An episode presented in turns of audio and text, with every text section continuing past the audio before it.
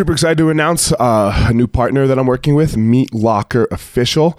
They are a meat company. They ship um, all kinds of meat. Go check out their white web website, meatlocker.com. It's uh, it's amazing, man. Let me tell you, the bacon. The bacon's the best bacon I've ever had in my life. All the other meats are very good. I had a nice ribeye the other day, chicken breast, all kinds of stuff. The the the steaks and the bacon though, mmm, for sure the best bacon I've ever had in my life. Meatlocker.com. Type in the code name Easton 2019. E A S T O N 2019, and you will receive 15% off of your order. Um, again, meatlocker.com. Get some bacon. Evo Labs, uh, Evo Labs products. Um, man, I love a couple of Evo Labs products that I like to use. I like to use their uh, skin repair and intensive salve. Man, the skin repair is amazing for when I get like these little abrasions on my skin and we uh, and you know you you're always worried about like whether you're going to get an infection or not or how it's going to heal. Skin repair evo labs skin repair. Go check them out evolabs.com and then two their intensive salve okay? Again this is for like a little bit of soreness after i train at the end of the day. Rub it all over um, like especially like my upper back and my arms then my legs. Love it. Again evolabs.com uh, I do also like their meditate. It's a it's a CBD pen where um, you know at the end of the night it helps me calm down, go to sleep, especially after like uh, intense training during the day. So um, those three products are three of my favorite products from Evo Labs. One the the skin repair, two the intense salve, and three the CBD pen. The Gospel Fire also brought to you by Onnit, O N N I T. Um, go to their website and man, go check out their products. Code name is Elliot. You put in Elliot E L I O T, and you will get ten percent off all of your Onnit products. I personally like the Alpha Brain. Uh, that that is my favorite product, and every once in a while I like to use their Shroom Tech as well. So those uh, those two products are my favorite from Onnit. So again, Evo Labs guys at evolabs.com and Onnit O N N I T. Um, check them out. Thanks for the support of the podcast from those guys, and uh, hell yeah, let's get after it.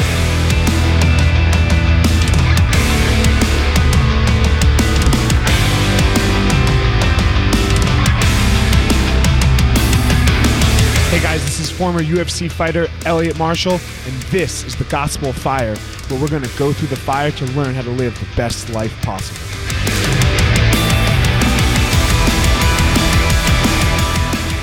Back another episode of the Gospel of Fire, and I am here with I barely even know this person, but I've been liking this lately. We, we've had one meeting and one talk.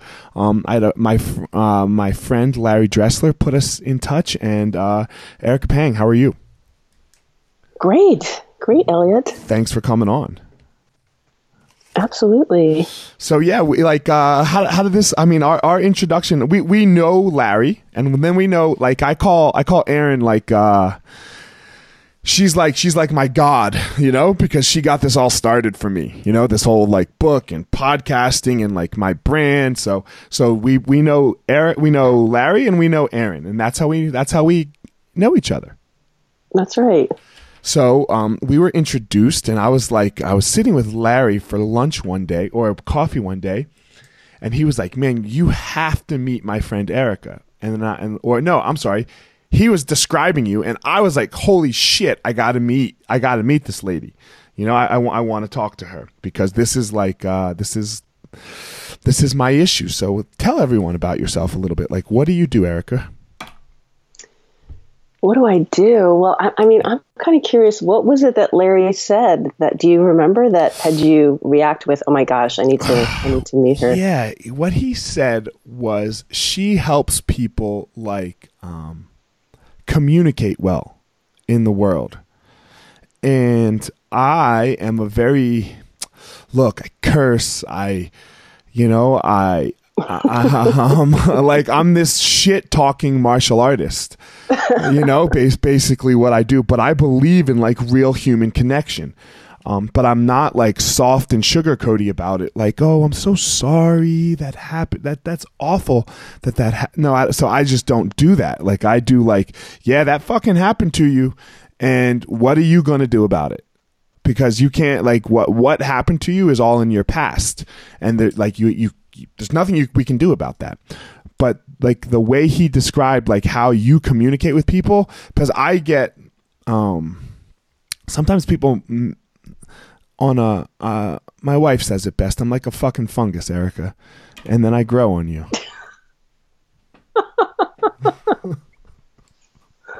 I love it. So maybe maybe if I could be I mean like look, this is who I am. So maybe if I could be a little less fun I mean, I like being a fun guy, but a little bit less fun fun guy. Got it. So he just he just described to me that like you you like help help leaders go through the world a little bit and how to be a little more um I can't say authentic because I'm pretty fucking authentic. Uh, right. A little more um palatable maybe Mm-hmm. maybe palatable. Yeah. Yeah, the way I describe it to clients, students, um, how do we just have more range? Yeah. That we're not just um, showing up or communicating in the ways that are comfortable or have worked for us, you know, have become our, our own kind of habitual patterns. Um, but if we want to have more influence and be more effective in a wider range of situations and, and situations that are uncertain, that kind of surprise us or catch us off guard a little bit. How do we, uh, in those moments, react and respond um, with a little bit more intention or choice that, that might help us get what we want out of the situation in that particular moment? Yes, that's yes, that's exactly what. Um, what what surprises me a lot um, is that like uh, for for me personally, and like I'm trying to talk to a lot of women personally, you know, because just Mm-hmm. just like in my own personal life and experience, because like uh, all right, sure, you know, you know who identifies really well with me, this like. Uh, I'm 250 pounds. I fought in the UFC. Like I, I, I I'm in shape. I look fit and yada yada. So like, yeah, n- no, no kidding. Dudes are gonna fucking you know, like, oh man, Be all over you. right? Yeah, like, like no fucking kidding, right? So, but how? Um, and I'm not saying like dudes are all over me, but I'm just saying like in general, that like it's easy for me to attract the male. But I, I I don't want to just attract the male because I think Right. I don't think the male and the like I mean there are differences between us male and female like like just biological differences and psychological differences I think but I, I don't think we need much different I think we both can we both can find leadership from the same type of person Right. Absolutely. so how do I do that better you know and like you know I mean like yeah sure I'm trying to be Joe Rogan but fuck you know if I want to if I want to lead more females then I got to talk to Yeah. some females Right. Yeah. So if you're the fungus, is that what your wife said? If you're a fungus? Yeah, I'm a fuck. I'm a like you don't like. I'm just. It's weird. It's yeah, yeah. It's weird. She calls. She look. She went out with me, Erica, to win a bet. She had a bet. she went out with her. She had a bet with her friend. Okay, and the bet was who could go out on the most first dates without going out on a second. And it was May the 30th, and they were tied. So she went out with me. And you grew on her. Yeah, I grew on her. Like That's you know, great. yeah, I grew on her. so So I think go ahead. my version of fungus would, because I'm trying to think, oh, that's a great metaphor. What would my metaphor be? And um, I taught a class. Um, so I teach at UC Berkeley at Haas, the School of Business, teach a leadership course. And a few days after I taught one of the classes, it's a three day immersion experience. I got an email from one of the students, and he wrote, Dear Erica, thank you so much. You're so much more than a coach or a professor. I really wish we could call you something like freedom fighter. And I was so moved by that. I, I mean, who who calls you a freedom fighter? Um, but if I think about what I'm trying to do, um, it's all come from my own struggle, my own journey. I mean, I, I'm Chinese American. My parents are immigrants. We grew up in a household. I mean, one, my parents didn't really even, you know, English was their second language. So if you're talking about communication, they were dealing with a second language. We didn't really deal with emotions.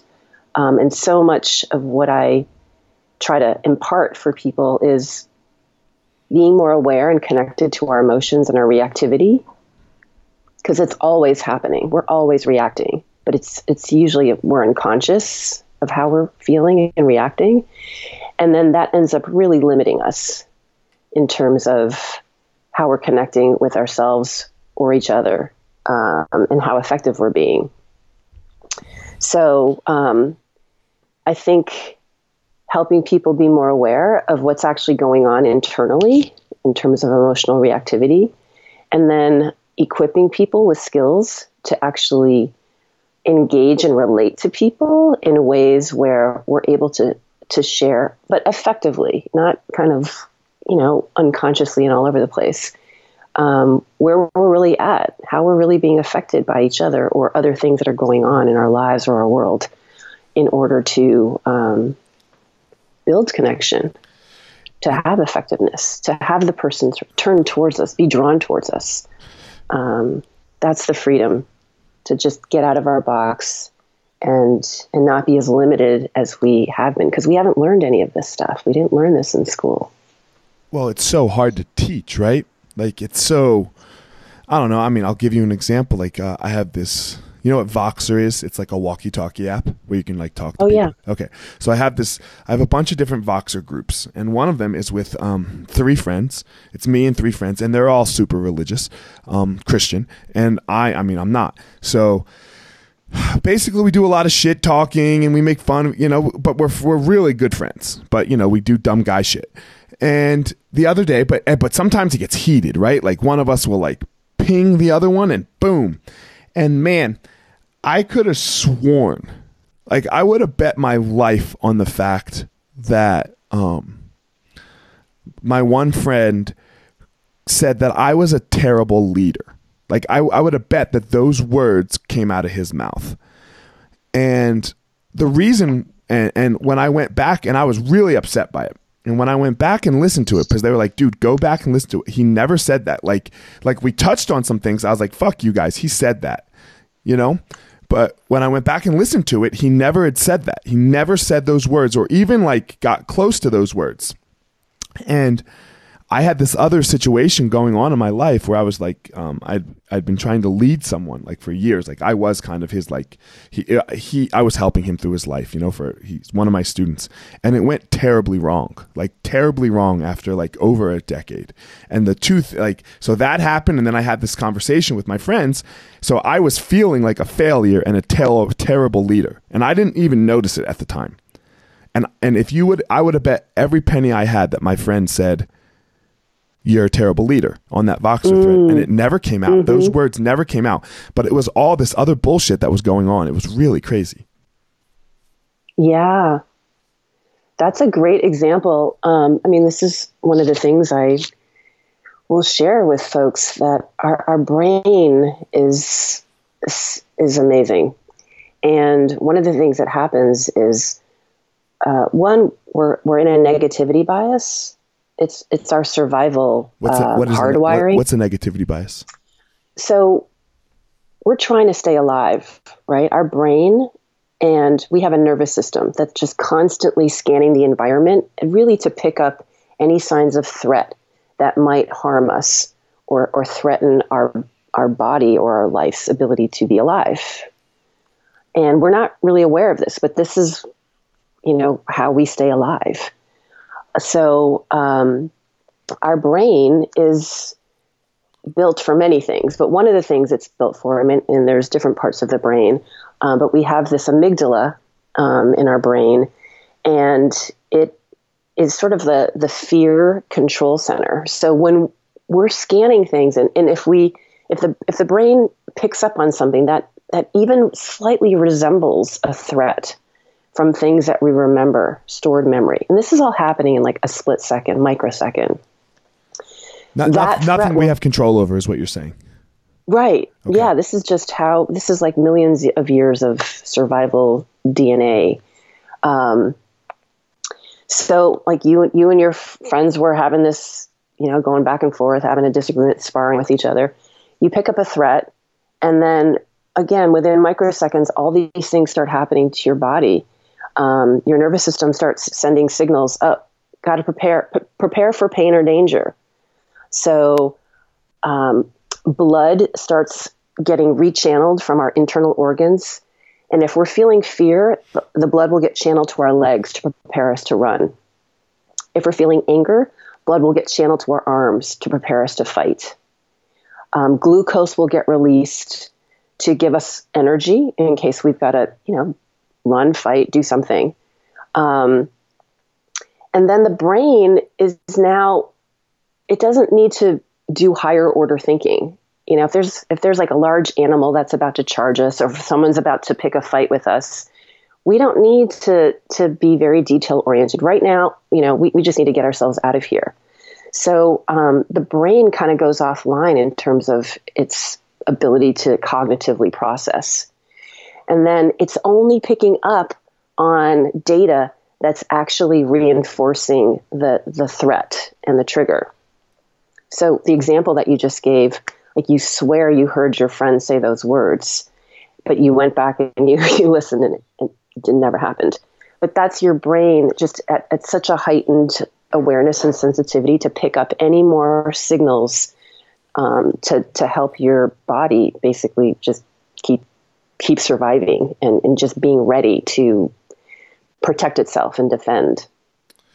And so there are things that we either don't remember or things, stories or assumptions that we create that we think happened. Um, so we're it's just the way we're perceiving things that are happening are are shaped and they're they're not necessarily what's actually going on and and we're doing this all sense. the time like i'm sure i mean i can't imagine how much my like my wife and i do this with each other. Oh constantly. Right? Like because i'm like no you said this and she's like no i didn't and like yes you did like we but you know like like i think we've all been in that struggle before and it gets very frustrating and like unfortunately we don't like do most of our communication on voxer where we could go back and listen right? This is just such a clear example to me of how and how how um how our emotions and things can just like fuck what we think sometimes like uh, so it was re- it was really cool, and I was super excited to talk to you about it. And I, and when we talked the other day, I didn't want to talk to you about it because it had already happened, and I didn't want to talk to you about it because I was like, no, this is just this is what I want to talk about a little bit. So, uh-huh. um, but yeah, like so, where where does this? Um, how do we deal with this? You know, like how do we deal with this? I mean, let's call it triggering, right? Like these things yeah. that trigger us. Right. So maybe I'll just start with this three line quote that I opened my class with. Okay. Because I think it's really at the heart of what we're trying to do. So uh, here's a quote Between stimulus and response, there is a space. And in that space is our power to choose a response. And in our response, lies our growth and our freedom. So we're really talking about that space between stimulus and response. Yes. Right? Something happens and then it's it's it triggers something and then we have a reaction. And usually what happens it's it's microseconds before because we, we honestly we can't control our reactions. Those are just happening. But what we can do is we can be aware that we're having a reaction. And then if we can expand that space before we actually do something, say something, or, you know, react, um, if we can expand that space, then we have a little bit hope of not getting completely derailed from what we're trying to accomplish. It might be with a friend, a coworker, a partner, whatever it is, you know, our kids. So here's a couple ways that you can handle that moment. One, when we're getting triggered or we're having a, a, a response to threat, our system, our nervous system, our heart rate, everything is is getting activated. Our heart rate is increase, increasing, right? Blood is flowing, adrenaline is pumping, and it's putting the body into some level of distress. And then we're reacting. So, one key strategy is how do I get my system to deactivate in those moments? How do I bring my heart rate down? So, a couple simple things. One is can I if I can notice, oh, oh my gosh, like I notice my heart rate is going up. I notice I might be getting warm. I'm getting sweaty palms. If I can notice any of those physiological signals, because those are the things that happen first, and then if I can be- begin to put words to them, if I can notice them and then actually name what I think I'm sensing, like, oh, there's my heart. I feel my heart pounding against my chest. Oh, oh, yeah, feeling some sweat on my brow. Just even doing that engages the cognitive thinking brain enough that we're not just fully swept away by the reactivity. There's just enough distance in trying to think of words that match whatever my experience is that we buy ourselves like a few seconds just enough to pause, maybe. Yeah, man, this sounds even like uh, for me like a panic attack, even. Right, mm-hmm. like, like it's like high anxiety, like because that these are all that's what we're kind of talking about here, right? Like, because I mean, I suffer from anxiety, so like, yeah, my palms get sweaty. I feel my heart, like my vision gets really, really tight, almost like I'm gonna pass out, mm-hmm. right? Like, and and that's exactly what I have to do to notice, like, I have to like talk myself out of it a little bit. Like I have to be like, okay, my palms are sweaty. What does that mean? Nothing. You know? Oh, okay. Like I guess if I pass out, I pass out. Like there's no I mean, there's nothing I can do like what can I do? You know? So like I I have to like put in like kind of like I don't know if I put in like if I yeah, I just get it out of my head a little bit. Or you maybe it's more like you get it into your head so you can pause and not just be mm. fully in the anxiety or you know you're not yeah. you're not the anxiety. You understand oh oh i'm noticing this. This is happening to me. But really the the strategy is to start lowering the heart rate and some of the activation that's happening in the nervous system. Because it's the nervous system when it gets activated that's what sets this whole all this stuff into play in terms of getting protective and defended right. and reacting in that way. And then, so and then you can just get fired like when we're going back to like the argument kind of stuff or like the dealing with people not not anxiety again. Like and then you can just get fired up and just say the dumbest shit. That's right. That's right. And the other thing that's happening the other reason why we're saying the dumbest shit is we're also making up the brain is also making up stories about the other person or the situation or sometimes even ourselves. So um, you know, if your wife and you are having a, a disagreement or something, the way that the things that we end up saying often come out of the stories and the assumptions that are happening in our mind in the same again it happens so quickly. You don't even realize it. We're, we're making all these assumptions about why why is she saying this? Why is she doing this? Oh she's doing this because you know whatever. Um, she she's actually not really interested in what i have to say right now. She you know she just wants she just wants to get her point across. Right. That's a story. That's an assumption. Um, we have no idea what's going on with her. Maybe she feels like you're not listening to her, and so she has to try extra hard to to you know make her point. Who knows? But our brain is trying to understand and make sense of all this stuff, and so it's and it also wants to justify our reactions. So a lot of times our stories come out of our reactions, they're justifying them, but then they create even more reactions. Because you, you know, say you're creating a story around your wife, and then that kind of further irritates you. But it's we don't even know if it's true. But there you are now. It's like the, you know, it's like the shitty first draft of a book. right. Right except it's a live action right? yeah yeah you, you, yeah you're somebody else is actually seeing it where like your first draft is just for you you know, you're like, yeah, that this I'm gonna write this, and I know it's gonna suck, but I know I have to write it. But where we do this with people in, in conversations, like it's uh, and you can really have this great effect on people, and it's it's not what we negatively, right, and positively, and we when we react like this, it's a lot of times it's the negative. Yeah, yeah, because we don't really know what's going on. We're just trying to take care of ourselves and protect and defend but that that's not a great strategy for connection, maintaining connection, or accomplishing what our, whatever our shared goals are. Right, right. So here's another strategy. Um, first, I'll give you another tidbit. So one strategy that the body has for lowering the heart rate is contempt. So contempt is the way I'll sort of explain it now is if I think you have like less value or worth or no value or worth than me, then whatever you're saying to me right now that's kind of triggering me, I will be less affected by it because you have no value. And then my heart rate can can go down.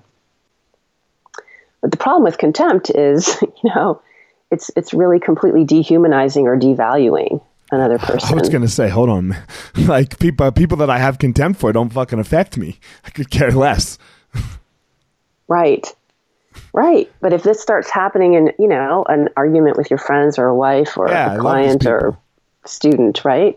Yeah, there we are in our argument and conflict. It, it doesn't happen to me with with like clients or whoever because I like uh, I don't have a they're, they're like I, I love them, you know, or not I don't love them. I, I care about them, but like this only happens to me with people that I love.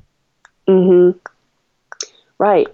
Where there's possibly more vulnerability or risk. Uh-huh. uh-huh. Um, My life so I need to up. Yeah. Yeah. So I'm more affected by them. So now we're in this conflict whoa, I'm getting activated. Again, this is all unconscious. This is just the body and the nervous system taking care of itself. Right. It's so crazy because so we're having this where we were like 25 minutes in and we're talking about like milliseconds that this all happens in, correct? Oh, yeah. Like milliseconds. Yeah. yeah. Okay. Yep. Sorry, I cut you off, but go ahead. No.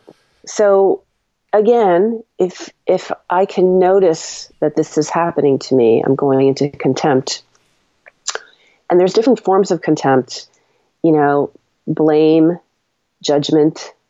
And judgment is really more stories about a person's, you know, negative uh, intent or something. Um, so if I notice this is happening, um, blame Brene Brown. I don't know if you're familiar with Brene Brown, but she's got this Damn, great little. I love Brene Brown. Yes, I was going to ask you if you knew Brene Brown. I am a yeah. Yes, daring greatly. I that man but it's all like I have this quote. I'm I'm sorry, I'm going to divulge. I have the the Teddy Roosevelt. Her book, Daring Greatly, is all about basically all about the like, the man in the arena quote from Teddy Roosevelt, right? Right. It's sitting on my wall in my office. This is my favorite. Yep. This is like the this is like top three quotes of my of you know I have one tattooed on my arm, a quote, and then I have the Teddy Roosevelt quote, and I have an MLK quote, and those are those are like the quotes I try to like live my life by. Yep. Brene, yeah, she's got a quick three minute video on blame. Okay. And the way she defines blame is blame is a discharge of pain and discomfort.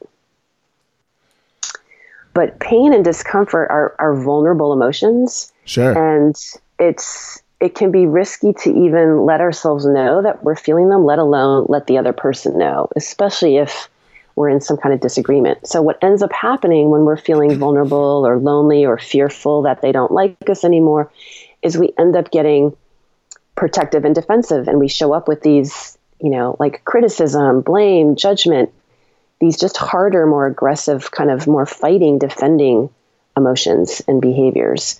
But again they're not great strategies for connection because you know it's we turn away from those things when someone's coming at us with that. So like if i can notice i'm feeling blame or judgment maybe if i can start naming that again i can notice in that pause in that space between reaction that maybe there is something a little bit more vulnerable going on. And the other way I could choose to lower my heart rate instead of contempt, or maybe shifting into it from contempt, is to get curious. So, curiosity uh, also in research shows that it also lowers the heart rate. And I have to interrupt you. Do you know what I love that you're yeah. saying right now that just I think is amazing? Like you so you're talking about feelings, right? And our feelings. And one of the things that kills me today, and I think like we have to pay attention to other people's feelings, but like um you're you're not saying that like this uh what was it? Blame and what was the other thing? Judgment. Judgment, right? You're you're not putting that on the person that's talking to you. You're putting that on me, the individual who's who's having these feelings and uh, and and you're not saying that your reaction is oh no you're blaming and judging me you need to stop what you're saying is that we have to deal with our feeling of blame and judgment.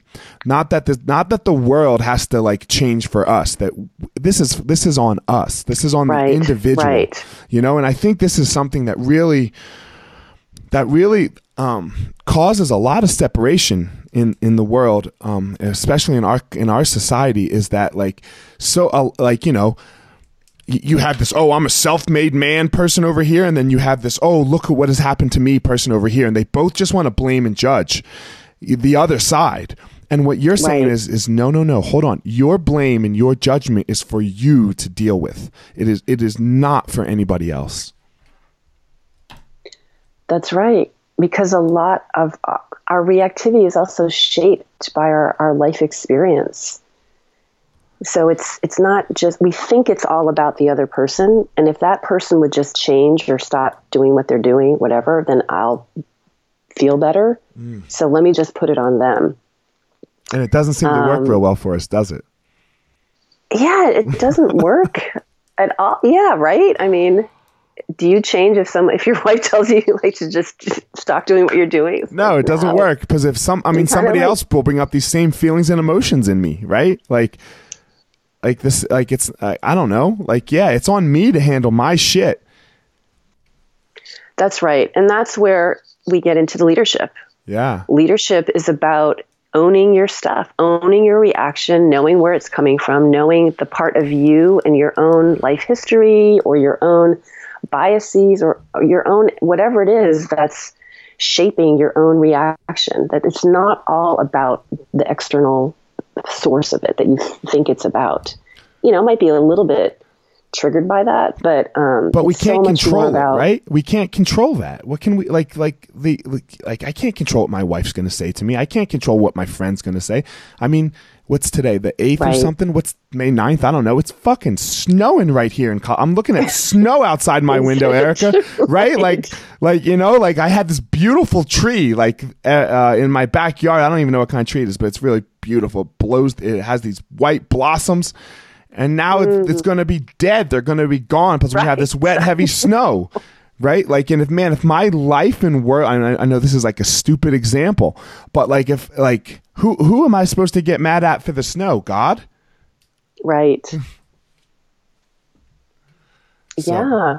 I, I love it. This is man, this is my favorite thing about doing this podcast. Like I don't care that anybody I mean I care that people listen, like I don't want to waste my time, but I get so much out of this because um I try to find this real like middle ground with um like you know I don't want to be too right and I don't want to be too left, but, you know, because I, I again I want a broad listenership, and I was like, uh, you know, God, I'm gonna have a, a, a this lady from from Berkeley on. Everyone's gonna see it as real, like, oh, you're going way left because they know I stand left anyway, a little bit, you know, like I'm I'm not gonna not gonna deny it. I'm I'm, I'm more liberal than I am any than than the other way, but what you're saying isn't like this like i think i think it resonates with everyone right? It's not like you know if er, like people on on the right side of the aisle like they they love to hear this shit that it's on us to fix to deal with our emotions and judgments not to get too political. So um but yeah i mean this is just amazing. This you're totally surprising me here a little bit. Oh, that's great. yeah you know? So man i really i, re- I really love this. Where how did you get here? Like so you said like like how did you get here where you are in your life kind of like you said you're chinese american immigrant like first generation first generation here right like wait were yeah, you, were first you, generation born here. you were born here and where were I you was born in Massachusetts. Okay. Um, grew up in Longmeadow, and I think my journey began because I was the only Chinese kid until middle school, uh, maybe except for one year in preschool or something. okay and um, it was painful for me because I was the only one who was different, and here was how I had a threat response to that. You know, when you're the only one who's different, uh, the story that I created or what I felt, it, it, was a threat. I felt Right. I was a liability because I was different. So difference can also bring up threat response. Um, so I rejected everything about myself that was Chinese because I wanted to fit in. This is the other thing. This is what cuts across all people, doesn't matter what your religious or political affiliation is. Right. We all want to belong and feel connection. We all need it. We're social creatures. We're connected. And- we're, we are definitely connected animals. Like Yeah. that- that- yeah. We, we need each other. You, you, Right. We can't survive alone, right? So to be the only one who was different um, felt unsafe. And so I convinced myself in order to feel safe and, and act, deactivate my nervous system, I convinced myself that I was white and Jewish because this was the town that I lived in. And that became my identity. I really kind of thought of myself as, as white and Jewish. That's funny. I have uh, And- my dad. So my dad's black, so I'm half black, you know, and my kid. I mean, he's as I mean, his skin is as white as anybody's skin could be, but he's all into like issues. Like he's super in tune to like um, like social issues in the world, especially for like a nine year old. And like he loves black people, and I'm like, dude, you self identify as black, don't you? And he's like, yeah, I do. You know. So I mean, he's a he's a quarter black. I'm not, you know, I mean, he's got and my mom's Jewish, so we have this like I call it the black Jew fro, like that's his hair. But like he's trying to grow a fro right now because like he like it's funny how you say you like you know like you're this you're a Chinese lady identifying as a white Jew. Oh, yeah. It's complex, right? Yeah, yeah, for sure. but I think, you know, so I grew up this way and I came out to California to go to college. I was at Stanford. And, you know, this was like the late 80s, sort of the height of multiculturalism and diversity. And, you know, I'm welcome to campus and people are celebrating me for being Asian and inviting me to all these different Asian activities, you know, like dumpling parties and Tai Chi classes.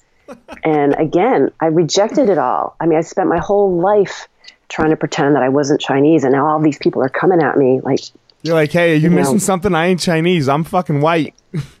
right, right. Yeah, and it was so, it was such cognitive dissonance to me because I'd spent my whole life avoiding being recognized as Chinese. Right. that it was too much really for me to handle. It was an identity crisis, really. And so I dropped out of Stanford maybe five months after getting there. And one of the reasons was internally, I just I couldn't deal with this disconnect. Um, the story that I had to create for myself of being white in order to feel more safe and in order to feel connection and belonging. So this is kind of a weird way of answering your question, but I think I have felt the pain of disconnection and separation through these divides that we create for ourselves around how we're different from each other. And I think it's really limiting um, the possibility and the potential in our own lives and, and the possibility that happens when we're in a collective and we're able to partner up and, and um, you know, just find the gift in our difference. But we have to first train our system to be able to bear the discomfort because that's just the way we react. You know, we ha- we have reactivity to, to difference biologically, We're animals, right? We're animals. There's there's nothing we can do about that. Right? Like if you're not in my tribe, if you don't look like me, maybe you're not so safe. Yeah, I mean, I have a, I have a similar experience, right? I'm a, I'm a black Jew that grew up in South Jersey. Um, they, there's, there's, oh, it was me and my sister, and that was it, right? You know, like my parent, my, I mean, my parents loved me, right? But neither, but my mom wasn't black and my dad wasn't Jewish, so you know, so literally it was the two of us, and there, there was not another. We did not fit in in a single place. Like there was no place that we fit in. So, um, I, I hear you, and I, you know, so. I, I don't know what I mean. I, I became anxious. You know, I became anxious. Right. My my sister suffers from depression. You know, and um, so it just uh, yeah, because you don't know what's you don't know what's coming around the door, and like I'm, you know, not or around the corner. You know, like I grew up. You know, when I, not just Jewish, like uh, just to share some of my story with you, like um, I grew up to Holocaust surviving grandparents. And, and my dad went through, you know, my dad was born 1945. I'm sorry, 1948. And, you know, so he went through the civil rights movement as a, you know, so like shit, it was ugly, you know? So like ev- everyone that was close to me was like, be careful, be very, very fucking careful.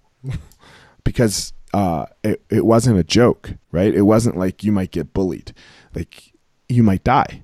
and and that that was a that was a theme you know? And i'm not i'm not blaming anybody here because like i don't think like for sure my grandparents like and my and my everyone around me they couldn't help it because that was their experience. Like they like my grandparents survived the holocaust. My dad his family like came from the south like surviving slavery and the jim crow laws and all of that right? Like this wasn't like some some like oh you might get beat up stuff. Like this wasn't like oh you Right. get made fun of. This was like no no no. You, you get thrown in an oven and you get hung from a tree Right. so like yeah that's i mean and that never happened to me that was not my experience but the people who raised me that was their experience Right. Right. Yeah, and it's it still it got channeled, it got funneled to you. sure yeah No, right? Not yeah. just through them, but through our social context and mm-hmm. his, historical forces, right? We Yeah. pick up these things and then we internalize them. And then it shapes how we're reacting and how we're perceiving ourselves and how we're perceiving other people and how we're showing up in the world and moving. And yeah I have, to, I have to fight this every day erica you know like i, I wake up and and like uh like i like you know like i said earlier i'm I'm, I'm a, like a shit talking kind of a harsher you know i wouldn't say harsher but uh, I, don't, I don't know what the word is but like you know i have this term called dbab and it's like i can't be a bitch and i can't be a bully you know? And mo- most of it for me is being a bitch which is just like fear. Like like that's like that's what i'm defining like i just let my life be run by fear. Because that's how i that's that was like the first 20 years of my life just afraid afraid afraid you know? And then what that turned me into is when, when i actually got good at fighting it turned me into this bully a little bit where i would like bully people. But i was like i tried to make them afraid right? Because that that was that that was my reactive so now like every every day like i do my meditation i wake up uh, I say I say my little obstacle is the way phrase, and then I say you got to fucking debab today, Elliot. Like you can't do either one, you know. Like so, like this this is something that I'm re- super like I have to fight it. I have to fight it every day because I know where it takes me. Hmm.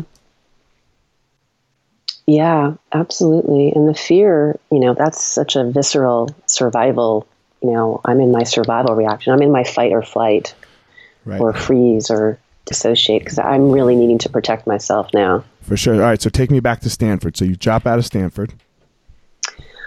I drop out of Stanford, and I mean, I was going through my own version of what you just described. You know, I think my nervous system was a bit jacked up from all those years of being um, distressed from being the one who was different. I think probably every day my nervous system was was a little bit amped up, and I was just I had learned how to cope with it. One of the coping mechanisms was, you know, pretending that I was white. I guess convincing myself I was white.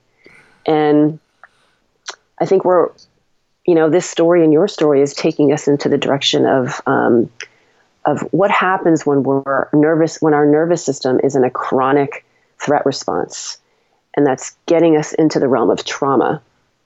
So for Our those, for system those people that don't understand chronic threat response, all the time you feel threatened. That's right. I'm, my system is activated because I'm I'm prepared. I'm prepared for pain or danger. Yeah. For, for And me, it, that wa- takes for me, it wasn't pain. For me, it was danger. Danger. Yeah. Right. Or you know, it could be pain from that danger or Sure. that threat or Oh, good, right. Yeah. Good point. being bullied or in a fight. Um, and that takes that has an extreme toll on our on our body and our, and our nervous system. And there's there's chemicals that are surging through, and there's just so much energy that's um, like adrenaline and you know there's so much that's being called up to deal with the threat, but then we're not actually able to release it in the way that we would if it really was like a charging animal, and we would we would be able to fight or run. All that would be released but when we're just sort of in our life managing that threat, we're not able to release it. And so a lot of it's just kind of it's getting stored in our system and it's wearing wearing on us and it's also heightening our sensitivity so we become more reactive. You're kind of blowing. like you're blowing my mind right now. There's so many examples. Ah, you're. You're. Is it fitting your experience? Ah, just in, in so many other ways. I mean, like everything you say, Erica, is making me just like, like, whole, like froze. I mean, so when I fought, like when I when I would fight, and my wife would be in the stands, right? Like, after the fight, I'd be fine. Like I'd be fine. Like because I had I I went and fought and had this had the dump. I got rid of all those feelings, and she would be a fucking mess, like an absolute mess, because she'd be having the same feelings and not being. It went nowhere, right? It mm-hmm. went nowhere. So like like these things that you're saying, it's so it's so crazy in all the places that it's like. It, and this is just my dumb stupid life, right? Like I'm sure this is everyone, but but you know we all we all can find these things. So it's it's it's really met it's it's just cool. It's just really cool what you're talking about. So I'm, I'm every time you say something I'm like oh god i got this and then there was that. Like like man amazing yeah, yeah it's re- you know like there's a hilarious go ahead. No go. No no you go. There's this hilarious story. So this one time i had a fight and i mean it's just so funny. Um, and I, I mean, it was the it was the only fight that I ever had that went perfect. Like I, I beat the guy's ass in like 45 seconds, you know? So I was all amped. I was amped, stoked, amazing. My wife was like stressed and drained, and we were driving home.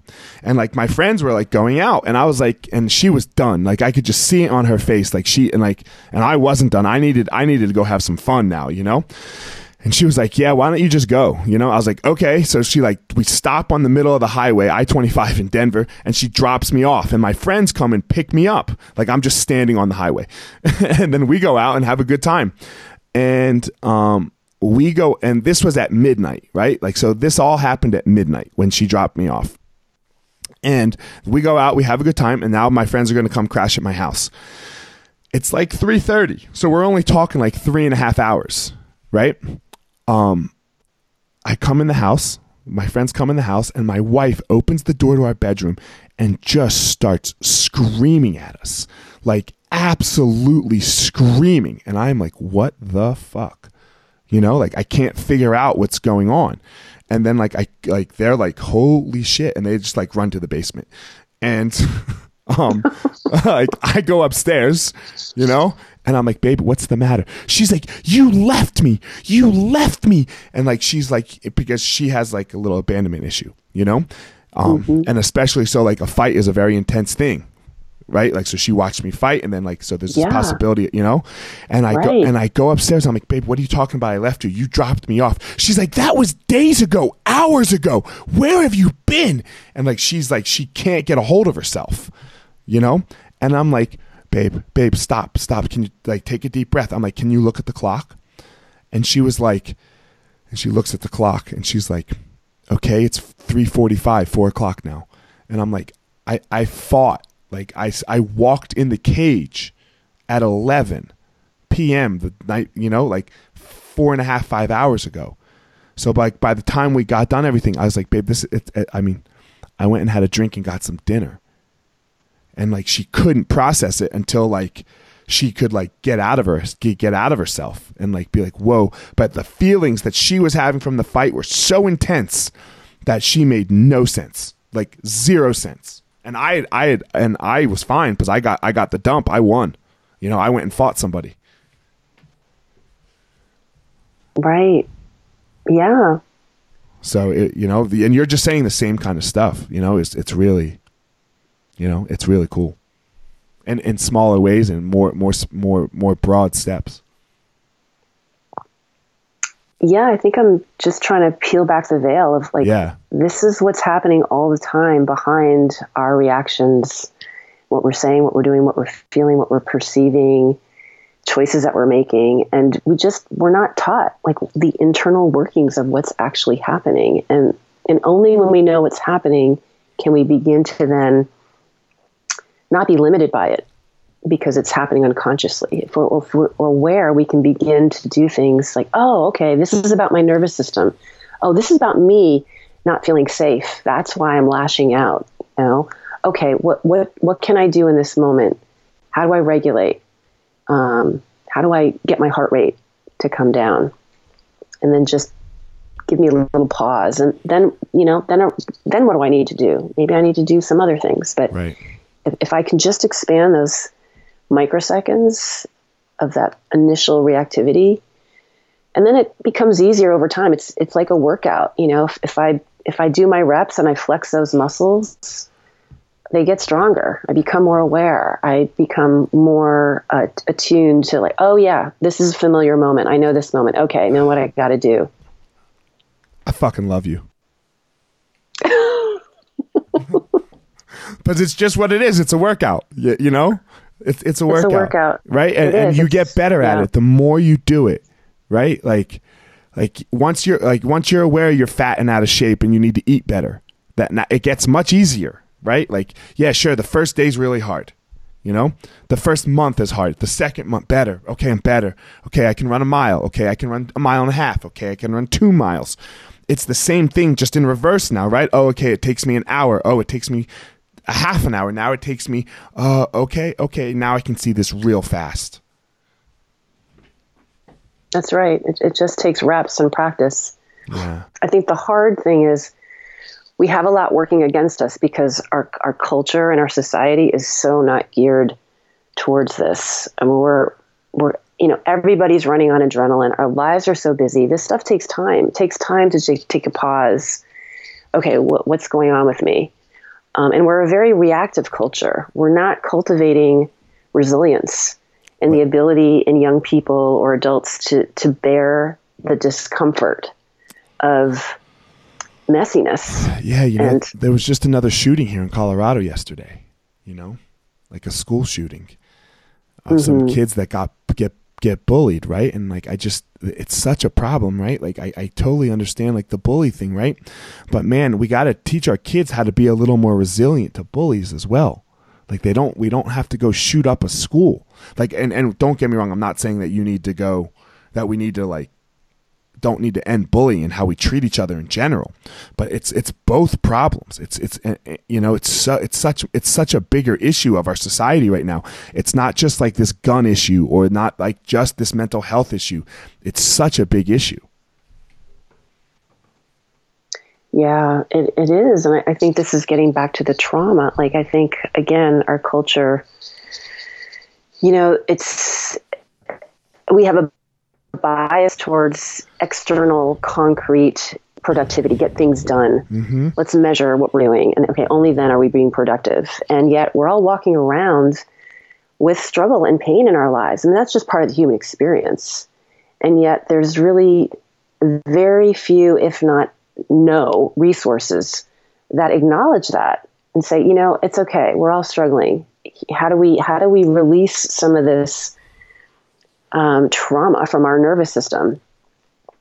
Um, so we're not just in this loop of unconscious reactivity or, you know, false perceptions and assumptions about ourselves and other people that just derail us again into some divisive separation. You know, you're different from me. I, I must attack you or contempt you. Um, there's really no resources in our in our lives for this. How do you and feel? So, how do you feel about social media? Because like I, I want to say like getting back to like the school shooting thing, like or like like with kids in general, right? Like when you and I, how old are you, Erica? I'm 50. Okay, I'm, you're a little older than me. But when we were kids, right? Like when school was, if school was terrible, when we went home, it could we could get away from it, right? You had like you know you left school at three, you didn't have to be back until eight right? So like, you know, how long were you at school? You were at school for 7 hours. So, you know, there's 24 hours in a day, so you had 17 hours away from it. But that doesn't happen now, right? With social media for these for for a lot for and, and even for adults, right? Like we're constantly checking our phones to get the approval or the the criticism either end of other people. Like so what what is this doing to us? and Like how do you see that? Well, it was someone actually I heard speaking about this at Aaron's event. Okay. And that it gets problematic because what we're seeking is a dopamine rush. A dop- dopamine is sort of like a, a happy emotion that floods our brain and it feels really good. It's worse than crack. So, yeah, it's addictive. And so um, I think what people are realizing now is uh, part of the addictiveness is this is the dopamine rush. And it's just problematic for young people when their brains are developing. Um, and yeah, and I, I think again, it's creating, it's contributing to us not having resilience because we can just you know, turn the phone off or not deal with it or unfriend somebody or not like somebody. Or, you know, we, we can just do all these very reactive things to feel a little bit better or to have a dopamine rush instead of having to hang in there with someone to really work it out and, and to kind of understand where we're coming from if we're, you know, different um, and if we're if we're triggering each other. So, I mean, none of us got these skills in school, but we kind of had to learn how to work it out on the playground, or you know, as best sure. we could, anyway. Sure. Yeah, for sure. So, I'm a little, I am concerned. I'm not sure where we're going if social media is kind of the way that young people are creating well, relationships. They don't, they don't or, work it out on the playground anymore, right? They just keep quiet and then go destroy each other on social media. Yeah. You know, like, yeah. Like, but uh, like, even like, man, if, if you fight in school, you get expelled. Like, sometimes you got to fight. We fight. It's, it's, boys especially, we fight. You know, we, we, we push each other, we shove, we, and, and, and then we, you know, I can't, like, it's, it's kind of why I love jujitsu for me. Like, I get to beat up my best friends and they get to beat me up too. And then, like, it just is better. Like, we, you know, but we, we're not doing it maliciously, you know, like, but, but we deal with some of these issues sometimes. Um, but like our kids aren't real, like we, we don't allow them, we, we don't give unsupervised play. Like we, like our, like we're just hovering over them. So there's no, there's no release for them sometimes. Yeah, absolutely. All right. I cut you off well, multiple think- times about Stanford. What, what, uh, I want to hear after Stanford. I, I you know, you every you, I, I won't say anything. So even if you say something amazing, okay, if you say something amazing, you and, and then I start to cut in, you say, "No, Elliot, shut the fuck up." But I really want to hear about after Stanford. Those words, Elliot, shut the fuck up. no, I think everything we've talked about is sort of after Stanford. I, I mean, I think it just left me. Um, in a bit of a hole. I, I didn't learn any of these skills. Um, I had rejected many parts of myself. I had a lot of insecurity, some anxiety. Um, um, yeah, I felt like a liability. I didn't feel like I had what it takes to be in this world because one, I, I wasn't white and that wasn't safe. And so, um, I'm, you know, everything I teach is stuff that I've had to learn and pick up along the way that, that I was drawn to that, that helped me kind of put myself back together. Right. Um, so there's a, yeah, I mean, it's, it was 30 years of trying to make up for the failure of our culture and what it does not equip us for. Right, right. And you're not like, again, I love it. You're not blaming anybody. You're not like, oh, it's your fault or it's this person's fault. Like, this is kind of, you know, like, but, but you're, it's what you did to, to help yourself and get yourself through and and then now you're helping change the culture you know? You're not complaining right? There's there's been no complaining from you which is which is what we need i don't know. I think we need more of it right? Like okay this this is what it is. So let's let's let's work. Let's deal. And make it better. And make it better luckily I've gotten to that point, but there there were many, many, many years where um, I I did I was in blame, yeah. but it was for my own pain, and I, I blamed my parents, I blamed my mother, you know, I blamed the system. I I still kind of do at the system level, but we're all victims of this system, right? Um, we didn't again we didn't learn real tools to help us in life with what we really need. You know, we learned how to take a standardized test, or I did yeah, I learned me, how to get really good too. at that yep. and get into school. Right. And what what does that do for me? This is nothing for me. You know. It didn't get it didn't get you happy. You know, even if it like I don't know. My friend called me the other day. He was like. Uh, I think in my last podcast, my friend, my other friend and I were talking about like money doesn't bring you happiness, and he was like, "Guys, money makes you money can bring you happiness."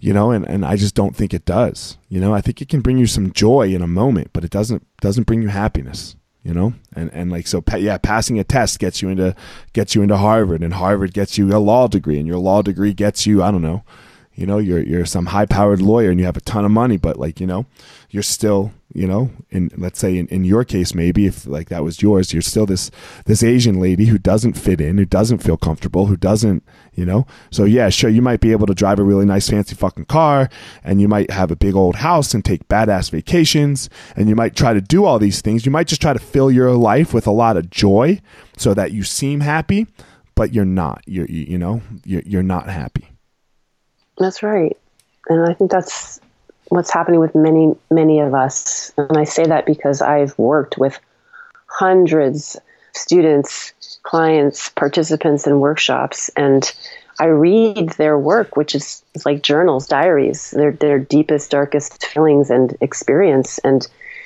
everyone is struggling. Doesn't matter what is going on on the outside and how successful we are. Um, it's the only common thread yeah, that is our common humanity. And, and so I think part of what I'm doing is trying to normalize, like, it's okay to have feelings, whatever they are. There are no bad feelings. It's, it's more just our reactivity and the impact we can have, the negative impact we can have when we're unconscious about our feelings and we just lash out.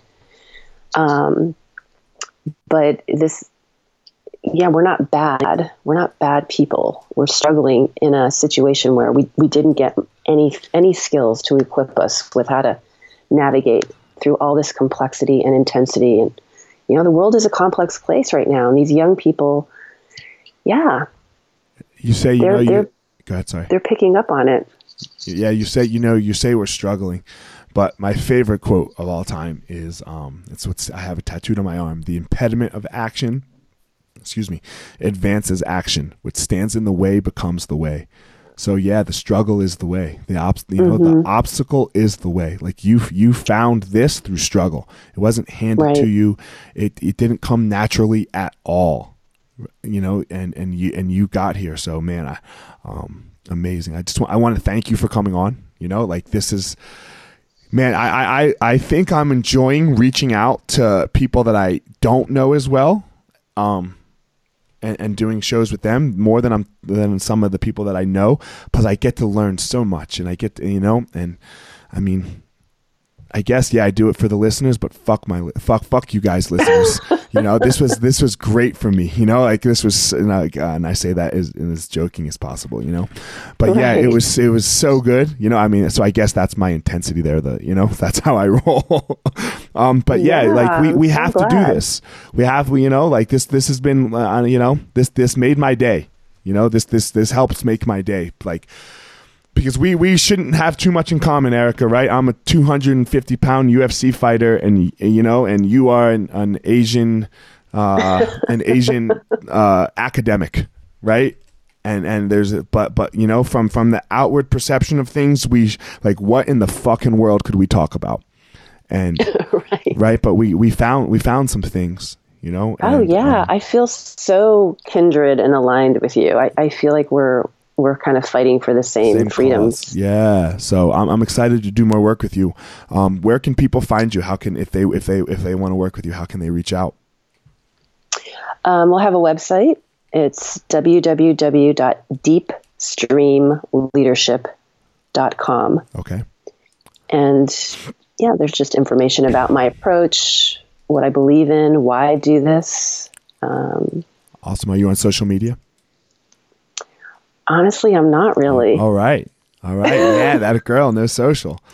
No social. so um I will uh Eric, if you could email me that website, you know, or just send it to me. You can text it to me, whatever. Um, that way, uh, in the link for the show, I can include that as well. So I really appreciate you coming on. I hope you have a great day. Is it sunny in California?